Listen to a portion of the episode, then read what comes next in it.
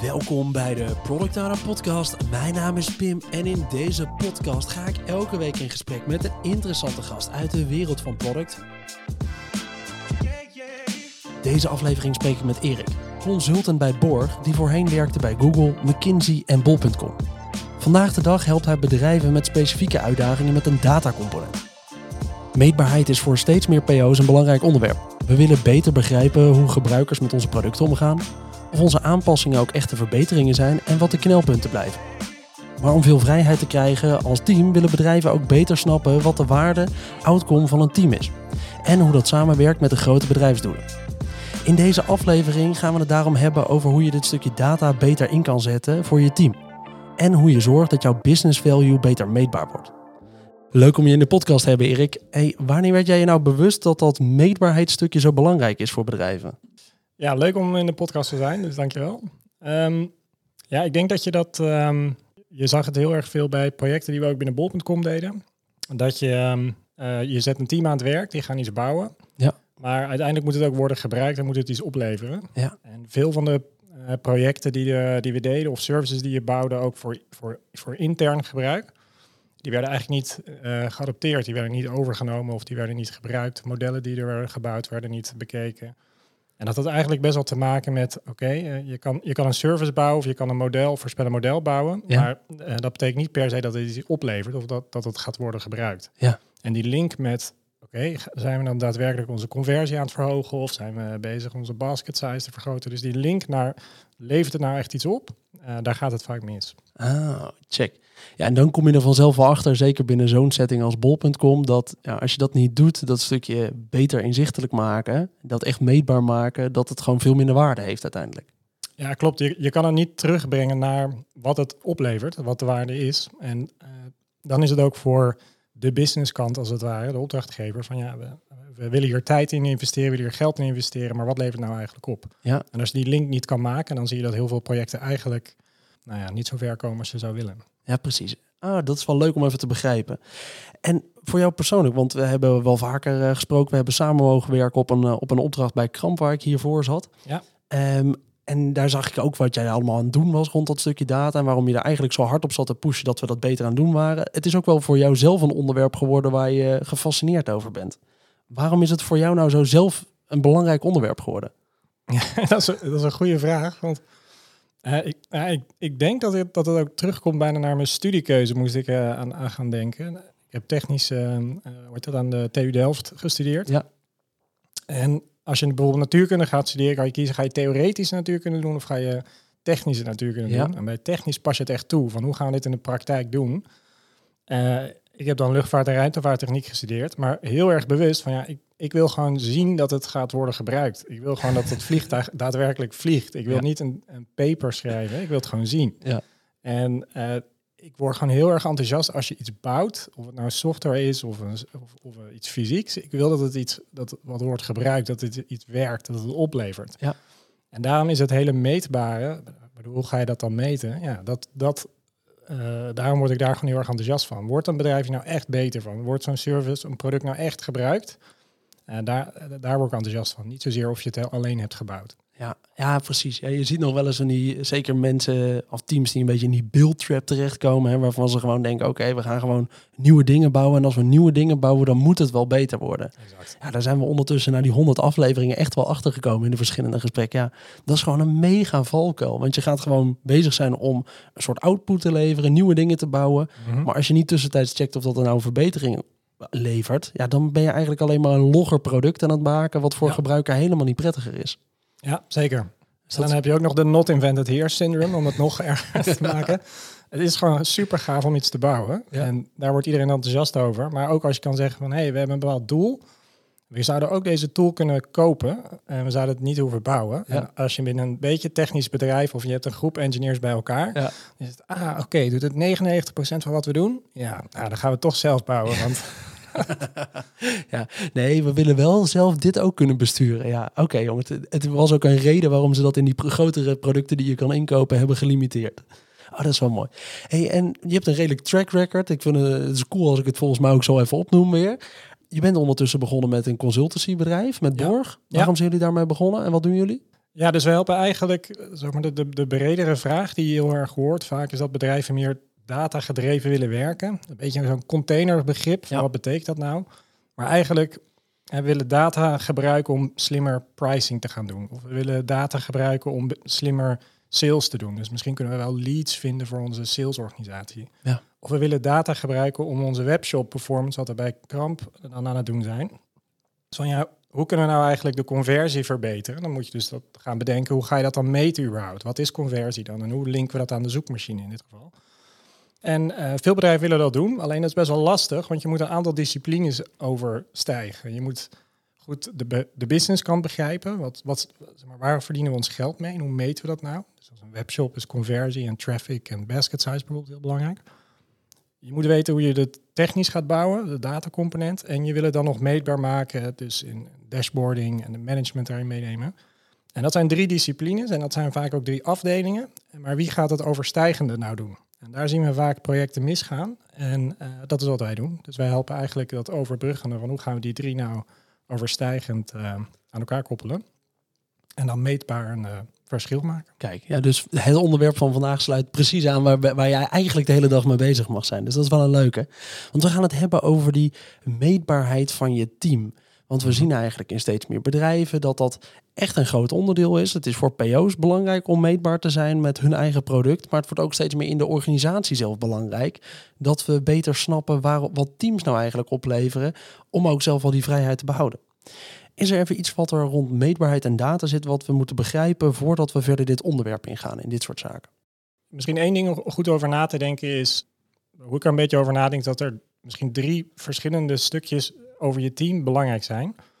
De eerste is heel erg, eh, wat natuurlijk extreem belangrijk is, is loopt je team goed en, en zijn we blij en hoe houden we dat bij? Dat is iets minder hard meten, maar wel hè, met stand-ups en dat soort Ja. dingen. Je moet goed, goed de, de, de thermometer als het ware aan het team houden van is iedereen happy en, en, en zijn we gave dingen aan het doen.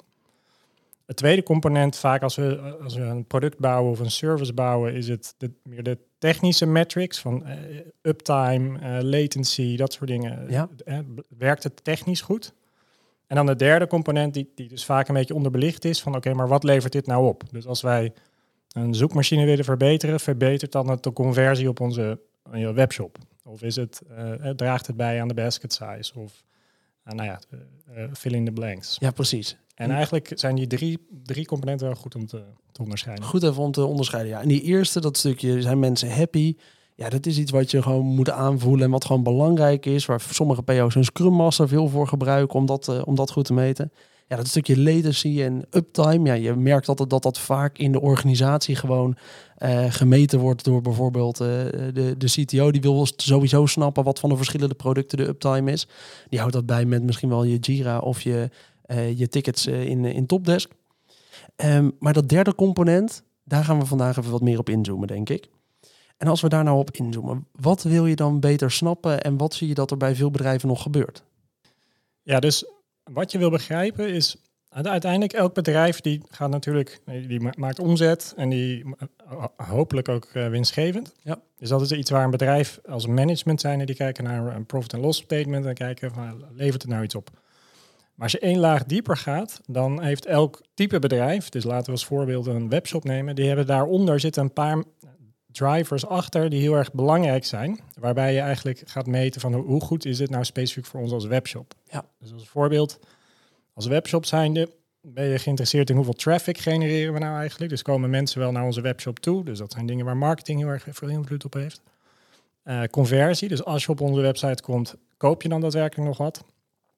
Ehm, als je iets koopt, dan heb je basket size. Dus hoe kunnen we ervoor zorgen dat mensen wat meer gaan kopen? Dus denk aan recommendation engines. ehm, denk aan, eh, je hebt dit gekocht, misschien ben je al geïnteresseerd in dat. Ja. Eh, bundles verkopen, om dat soort dingen.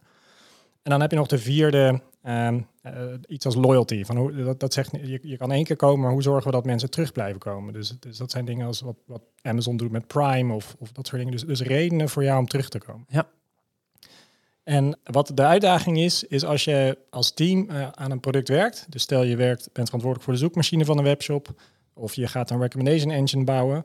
Hoe draagt dit dan bij aan een van die vier drivers? Gaat dit, kunnen we zien dat als wij iets bouwen, of in ieder geval een afgeleide daarvan, dat het iets bijdraagt aan de traffic, draagt het iets bij aan de conversie, draagt het iets bij aan de basket size of aan de loyalty. Ja.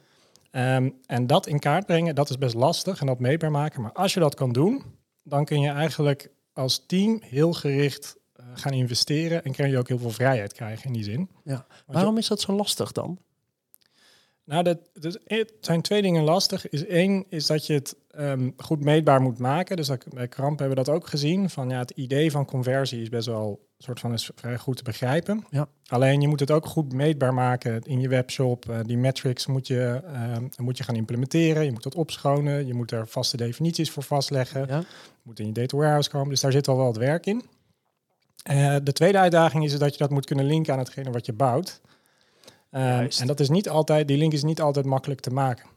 Uh, dus als jij in een zoekmachine werkt, kan je wel aantonen wat je zoekconversie uh, doet. Maar als jij, um, nou, ik noem maar wat, een applicatie hebt voor, uh, voor het beantwoorden van klantenvragen in de backend, ja, ja. dat heeft niet zoveel met die, kan je niet direct daar de invloed van, van zien. Juist, en hoe groter eigenlijk je organisatie weer wordt en hoe meer teams er eigenlijk aan één soort, bijvoorbeeld in dit geval een, een webshop werken en dan eigenlijk bezig zijn om ergens op die waardestroom van die hele klant iets toe te voegen, ja. hoe lastiger het eigenlijk is om ook wel meetbaar te maken wat jouw bijdrage dan is. Exact, ja. Dat is een van de uitdagingen. Check.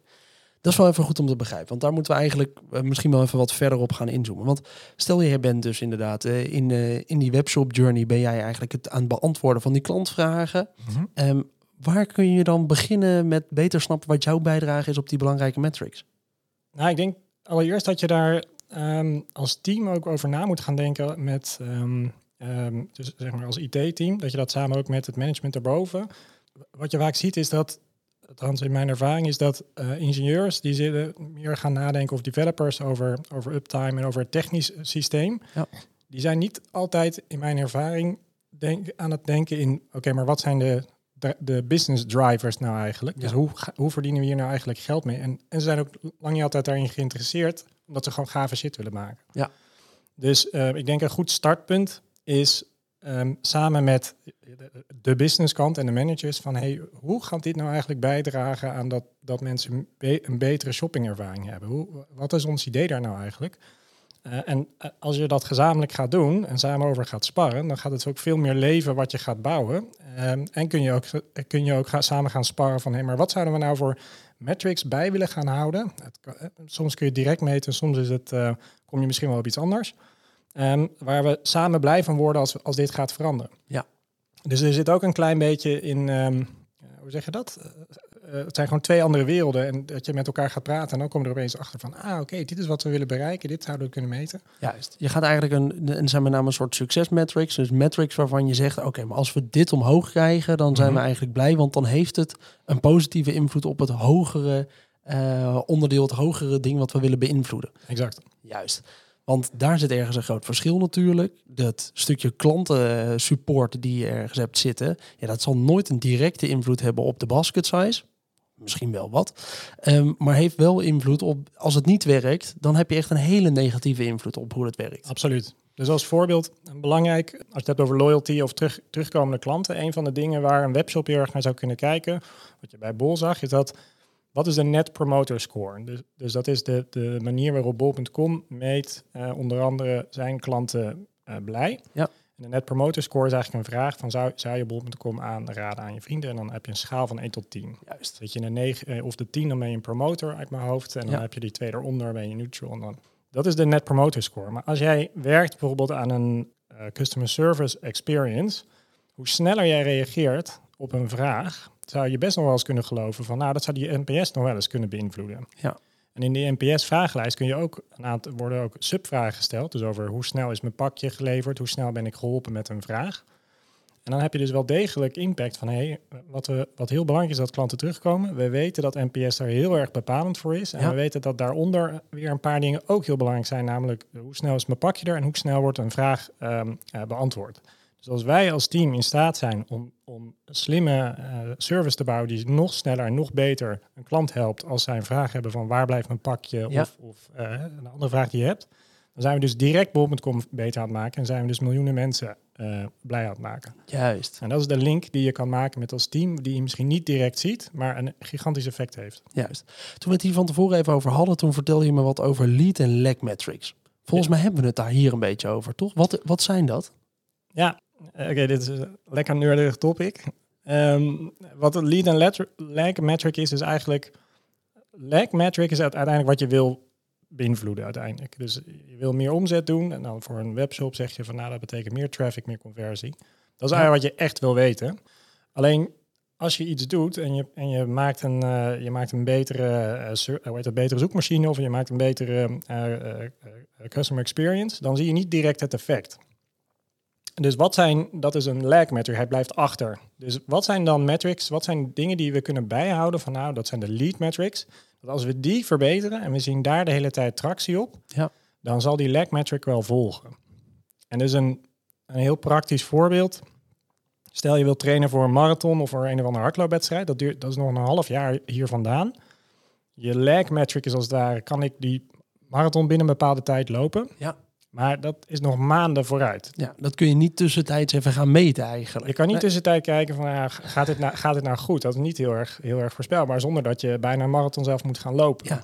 Dus wat is je lag met of je lead metric? Is eigenlijk van nou, wat ik wel weet, als ik vier keer per week loop en ik hou me daaraan en ik, ben, ik blijf consequent hou ik me aan mijn schema, dan weet ik vrijwel zeker dat ik die marathon binnen die tijd ga lopen. En waar je dan op gaat richten is, nou, als we ons maar aan die lead metric gaan houden en daar, die ook gaan vieren elke keer als we die aantikken, dan gaat het resultaat wel komen. En dat is ook misschien een bruggetje naar wat we zagen bij Kramp, is als je nou ja, aanpassingen wil gaan doen aan je zoekmachine of aan je conversie, daar zit gewoon een vertraging in. Want je weet ten eerste niet wat je gaat bouwen of dat ook gaat werken. Ja. En tweede is, er kan ook nog wel iets vertraging in zitten van hoe lang het duurt om het uit te rollen en om het te bouwen. Dus als je zegt, nou, als we maar onze uh, lead metric veel AB-testen doen, waarbij we een goede hypothese hebben van dit zou nou wel eens kunnen werken, we ons gewoon vieren en aan, aan, aan die experimenten houden en, en daar gewoon een goede velocity in houden. Van nou, laten we, dat is onze lead metric. Dan gaan we sowieso een feature vinden of een functionaliteit die we hebben bedacht, dat we opeens een sprong zien in conversie en zeggen, ah, check, die gaan we verder uitrollen. Juist. Ah, en dit is allemaal wel een belangrijk onderdeel van, van iets wat ik in ieder geval in steeds meer gesprekken voorbij hoor komen. Is dat bedrijven er een beetje mee struggelen met het feit dat ze, ze willen teams meer vrijheid geven. Elk team moet eigenlijk zijn eigen ding kunnen bepalen. We willen allemaal product owner zijn of product manager zijn, maar wel mandaat daar ook bij hebben. Zelf kunnen beslissen, zelf bepaalde richtingen op kunnen gaan. Ook al is er een grotere bedrijfsdoelstelling. Maar je ziet dat er steeds meer van hoger af in de organisatie wat problemen zijn met het feit, ja, de teams zijn onvoorspelbaar. En ja, leveren ze nou wel eigenlijk op wat ze moeten leveren als we ze al die vrijheid geven? Volgens mij is dit daar een heel belangrijk onderdeel van om dat eigenlijk beter te gaan maken. Ja, ik, ik, ik denk dat het een heel goed punt is, want we hadden het hier vlak hiervoor over. en zo had ik er nog niet eerder over nagedacht over verantwoordelijkheid geven. Want als jou uiteindelijk een management denkt in, we, we investeren hier geld in, we, we nemen mensen aan en um, niemand weet of dit gaat werken. Maar ja. we willen iets van een inschatting krijgen van als we hier tonnen aan uitgeven, wat gaat het dan opleveren? Ja. En uh, je wil zo'n team vrijheid geven, want die willen ownership hebben. Je wilt het gevoel hebben dat je het zelf in de hand hebt. Je wilt kiezen wat voor tools gebruikt en al dat soort dingen. Um, en dit zou hier heel erg goed bij kunnen helpen. Dus je zegt van nou, ons uiteindelijke doel is niet deze features bouwen. Ons doel is gezamenlijk die conversie of die NPS verbeteren. Ja. En als we het eens zijn over wat de lead en de lag, metric is, van nou, als we ons hier netjes aan houden, dan gaan we hier uh, als team met het management elke maand of wat dan ook op terugkijken van zijn we goed bezig. Ja. De opdracht is helder, maar laat ons verder met rust hoe we die, die gaan, uh, gaan aanpassen. En het gesprek wordt dan veel meer van, hé, hey, wat hebben we gebouwd? Wat zijn onze ideeën? Wat zijn onze hypotheses?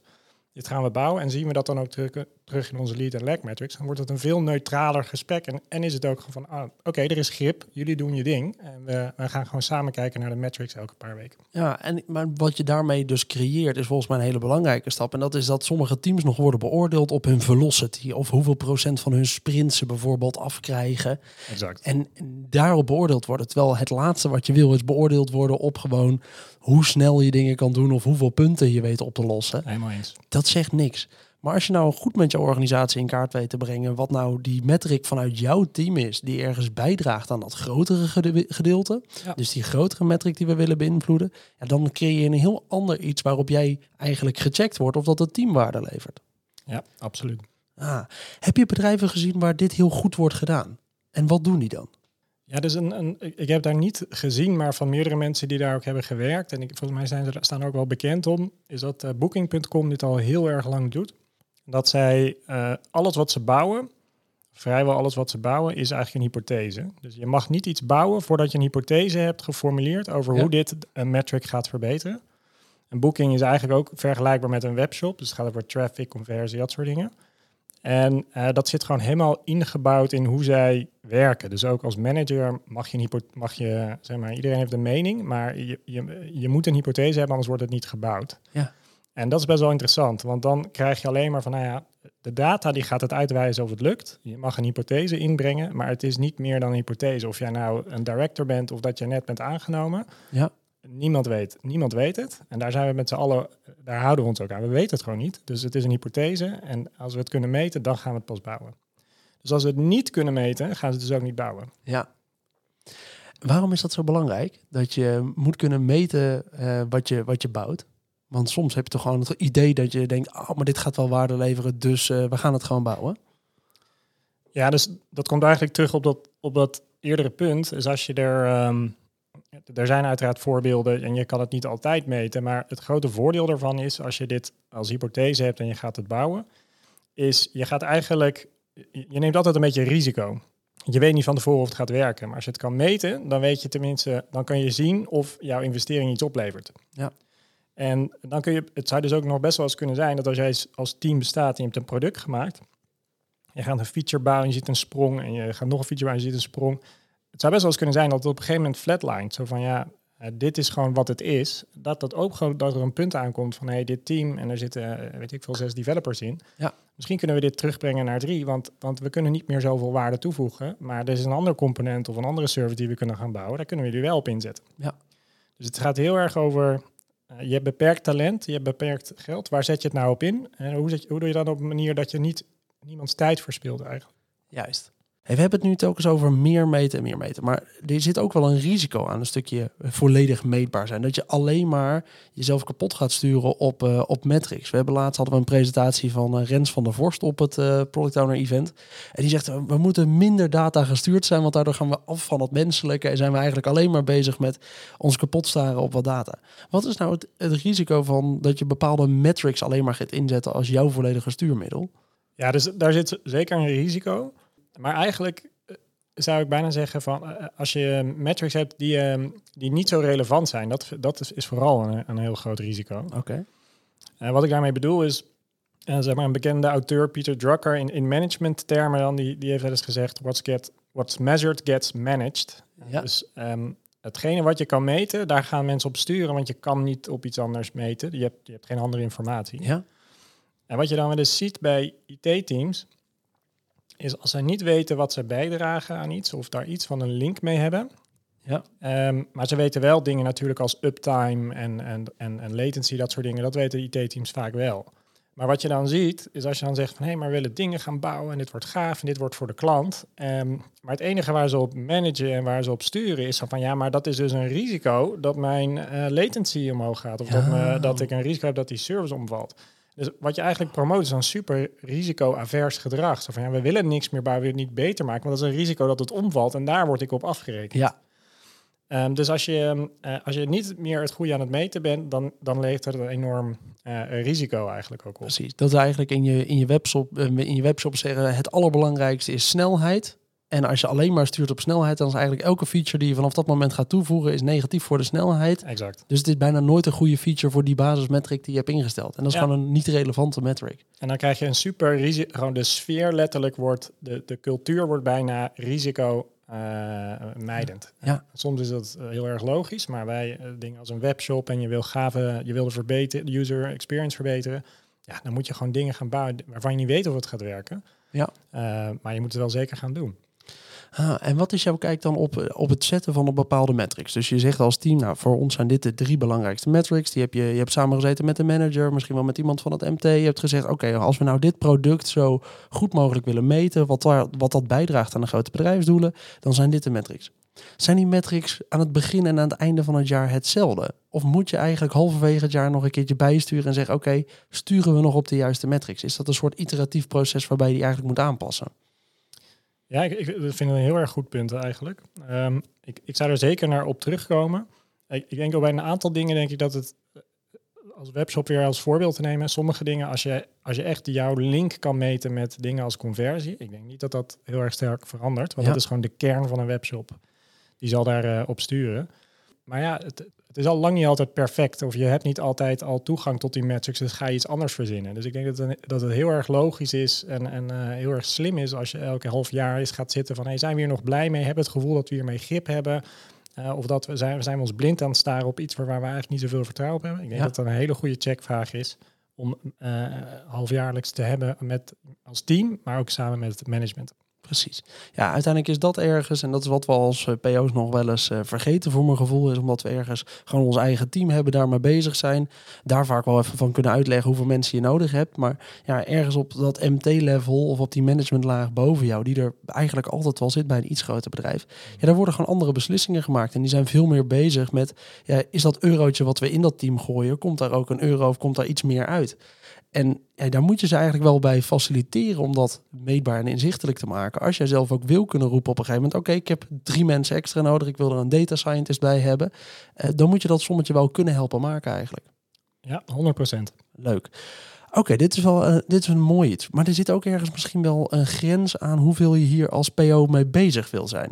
Want eh, we zeggen in ieder geval altijd allemaal dat onze agenda's vaak druk zijn. En eh, nou, we moeten eh, met veel andere dingen bezig zijn. En we zijn met die stakeholders bezig. We willen dat het team goed draait. Hoeveel moet ik hier zelf van begrijpen als PO? En waar moet ik misschien wel zeggen, nee, ik heb een data-analyst of een data scientist nodig?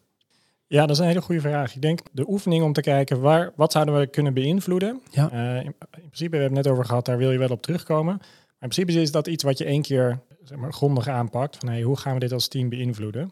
En waarschijnlijk zal je iets van een business analyst of, ehm, ehm, eh, eh, of een data scientist gaan helpen om dit ook meetbaar te gaan maken. Of misschien een developer uit je team. Ja. Van hoe kunnen we dit nou inzichtelijk maken? Daar, er zal een dashboard op worden gebouwd waarschijnlijk. Dus misschien is daar een BI eventjes bij nodig. Ja.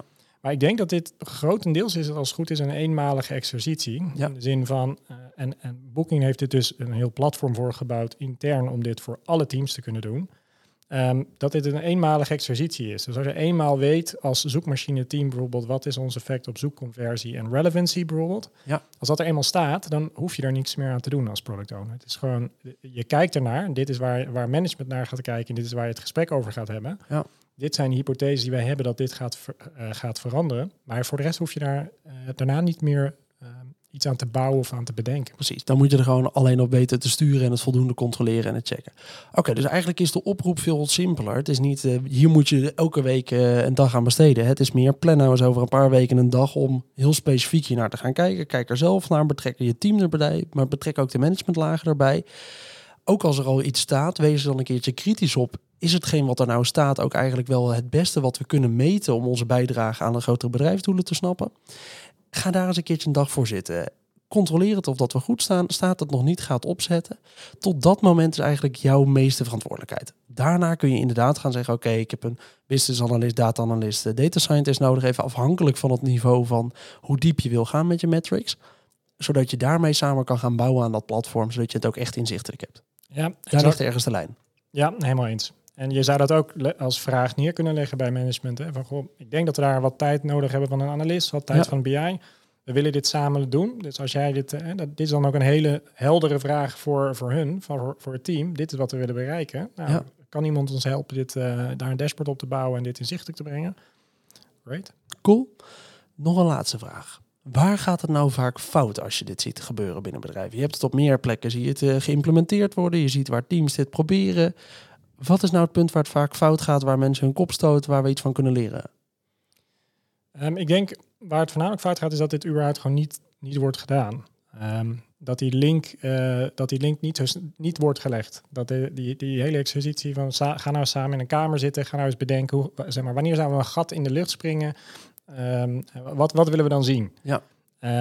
Dat stukje is echt, daar, daar is eigenlijk waar het misgaat. Dus dat dit gewoon überhaupt niet wordt gestart. Ja. En, en eh, eh, ik weet niet of je dat zelf vaker ziet, maar je hebt soms binnen organisatie zo'n kloof in cultuur tussen IT en business. En eh, IT vindt business soms vervelend en business snapt niks van die IT'ers. Ja. En van, ja, je moet, ga samen in een kamer zitten, jongens. Hoe gaan we, wanneer, wanneer staan wij nou aan het high five? Ja. Wat gaan we dan zien? Ja. En dat is het grootste probleem, dat, dat, dat moment gewoon niet komt. Het komt gewoon niet vaak genoeg. Oké, dan is dat eigenlijk. eh, ik wil eigenlijk zo meteen nog wel aan je vragen wat de meest gegeven tip is. Maar eigenlijk is dit hem natuurlijk. Gewoon zorgen dat je dit, eh, dit eens een keertje in werking zet. Dat je met de juiste mensen bij elkaar gaat zitten. Overbrug die, ehm, die kloof als die er binnen jouw organisatie is tussen business en IT. En kijk gewoon waar de bijdrage van jouw team zit. Want als je dit zelf goed kan, inzichtelijk kan, eh, kan maken, dan kun je ook veel meer vrijheid eigenlijk vragen van je bedrijf zelf om, om dat weer terug te trekken naar je teams. Cool. Ehm, volgens mij moeten we daar even naartoe. Wat zijn nou de grote lessen die we hieruit kunnen halen? Zijn er nog meer dingen die we hieruit kunnen halen waarvan je zegt, nou dit is echt een tip als je hiermee aan de slag wil gaan of je bent hier nog te weinig mee aan de slag? Wat is dan de tip die we willen meegeven aan luisteraars? Ja, ik denk dat we de belangrijkste eigenlijk wel hebben genoemd. Ehm, ga, eens, ga eens met je management of de, de laag hierboven zitten. Stel dit eens voor. Maak er een workshop van. Nodig, als dat eh, BI is of wat dan ook, die, die alles weten van wat er wordt gemeten binnen je bedrijf. Eh, ga samen in een, eh, in een kamer zitten Ja. en, en maak er een leuke workshop van. Ehm, dat, lijkt me, dat lijkt me het, het allerbelangrijkste. Cool, juist. Ja, en voor mij is het echt wel een mooie les inderdaad wat je uit hebt gelegd over die lead en lag metric. Is er wel eentje die, ik, eh, die gaat bij mij mee in het boekje. Eh, want je kan gewoon soms met jouw team niet direct invloed hebben op het uiteindelijke doel. Maar er is altijd wel zijn er een paar dingen die je ook zou kunnen meten. Dat als je dat nou goed blijft doen, dan zorgt dat eigenlijk dat jij uiteindelijk gewoon genoeg invloed hebt, positieve invloed op die lag metric. Dat is een mooie om beter te snappen. Ja, Hey. Erik, eh, leuk dat je er vandaag was in de podcast.